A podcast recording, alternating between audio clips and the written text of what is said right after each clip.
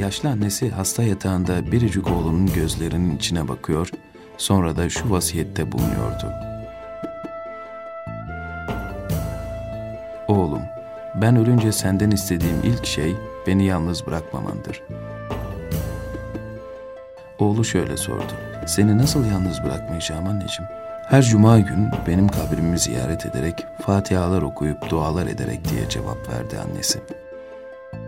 Annesine son derece saygılı oğul bu vasiyeti aklına koydu. Vefatından sonraki ilk cuma ziyaretine gidip fatihalar, ihlaslar okudu, bildiği dualarla dua edip annesinin ve yanındaki müminlerin ruhlarına hediye etti. Bu ziyareti devam edip giderken bir gece sevgili annesini rüyada gördü.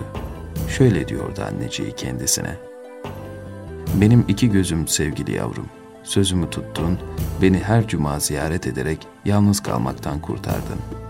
Şunu iyi bil ki ben ruhlar aleminde senin hediyelerinde huzur ve saadet içindeyim. Yattığım yatağımın yastığının içinde sanki reyhan oldu. Öylesine güzel kokular, tatlı raihalar duyuyorum. Sadece ben değil, senin okuduğun fatihalar, Yaptığın iyiliklerle yanımdaki komşular da rahatsızlıktan kurtuluyor. Onlar da istifade ediyorlar. Sakın bu ziyaretten geri kalma. Bir gün gelip de dünya işlerine dalıp geçmişlerini unutur olma. Bu gencin oğlu babasının bu kabir ziyaretlerini görüyor, o da kendisine ölçü alıyordu. Aradan zaman geçti, yaşlanan baba nihayet her fani gibi ömrü bitip vefat etti.'' Perşembe günü defne yapılmasına rağmen Cuma günü oğlu hemen kabrini ziyarete geldi.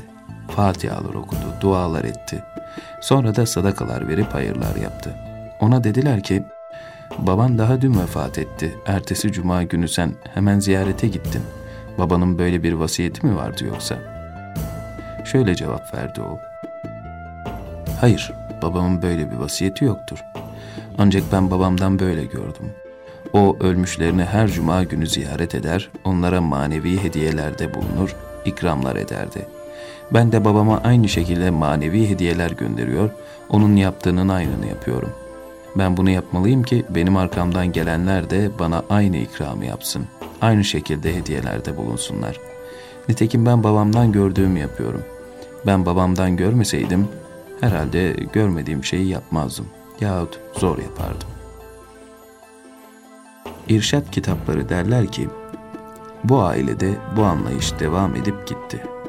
Ölenlerinin arkasından kalanları her cuma yahut münasip bir gün mezar ziyareti yapar, ölmüşlerine Kur'an okur, sadakalar verip hayırlar işleyerek sevaplar bağışlardı.